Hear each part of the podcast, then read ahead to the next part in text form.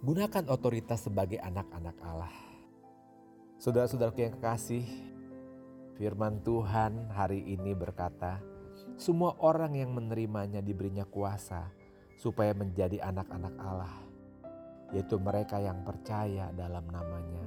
Yohanes 1 ayat 12. Dan lagi dikatakan, semua orang yang dipimpin roh Allah adalah anak-anak Allah.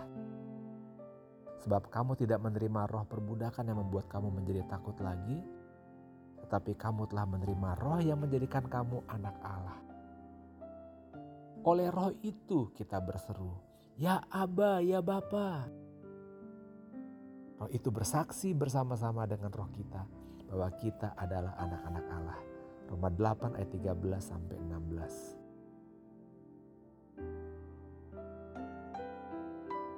Roh Kudus melahirkan roh kita yang baru ketika kita bertobat percaya dan menerima Tuhan Yesus sebagai Tuhan dan Juru Selamat pribadi kita.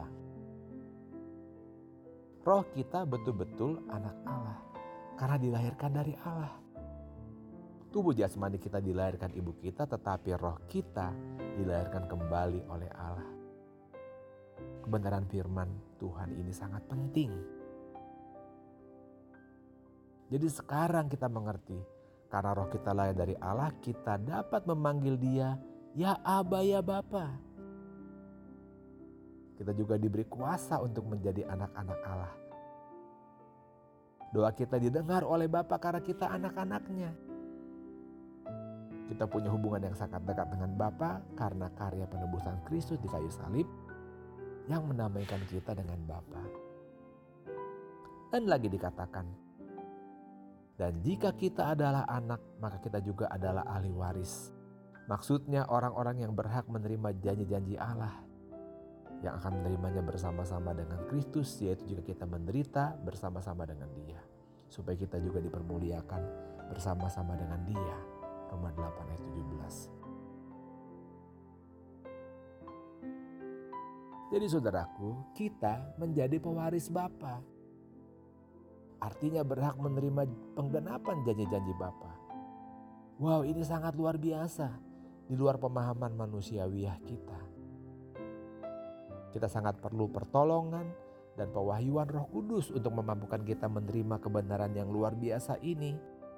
Dan hidup sebagai pewaris Bapa sama seperti teladan Kristus.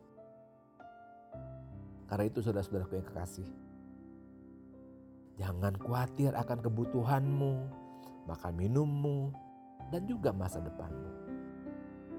Bapak kita yang di sorga tahu semua kebutuhan kita.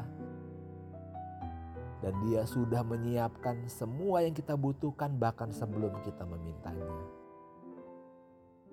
Yang Tuhan mau adalah fokus mengasihi Tuhan dan melakukan panggilan dan kehendak Bapa dalam hidupmu. Betapa mulianya panggilan Allah. Panggilan tertinggi dan mulia yang dia berikan kepadamu. Jangan mau digoda si iblis dan godaan dunia ini yang berusaha membuat kita menjauh dari Allah dan kehilangan warisan rohani kita yang tak ternilai harganya. Firman Tuhan berkata, karena itu tunduklah kepada Allah dan lawanlah iblis. Maka ia akan lari daripadamu, mendekatlah kepada Allah dan ia akan mendekat kepadamu. Tahirkanlah tanganmu, Hai kamu orang-orang berdosa dan sucikanlah hatimu hai kamu yang mendua hati. Yakobus 4 ayat 7 sampai 8. Jadi saudara-saudaraku yang kekasih, mari kita tunduk kepada Allah. Taati, lakukan firman-Nya dan kehendaknya. Lawan iblis dan segala pencobaan dengan iman yang teguh, maka iblis akan lari. Gunakan otoritas yang Tuhan berikan di dalam nama Yesus untuk melawan dan mengusir iblis yang berusaha menipu dan menggodamu. Kuduskan hidupmu, kejar dan lakukan panggilan Allah dalam hidupmu. Maka Tuhan Yesus akan membawa engkau semakin dekat kepada Bapa, penyertaannya dan mengalami penggenapan janji-janjinya. Dan engkau akan dibawa roh kudus untuk berjalan dari satu kemuliaan kepada kemuliaan Allah yang semakin besar.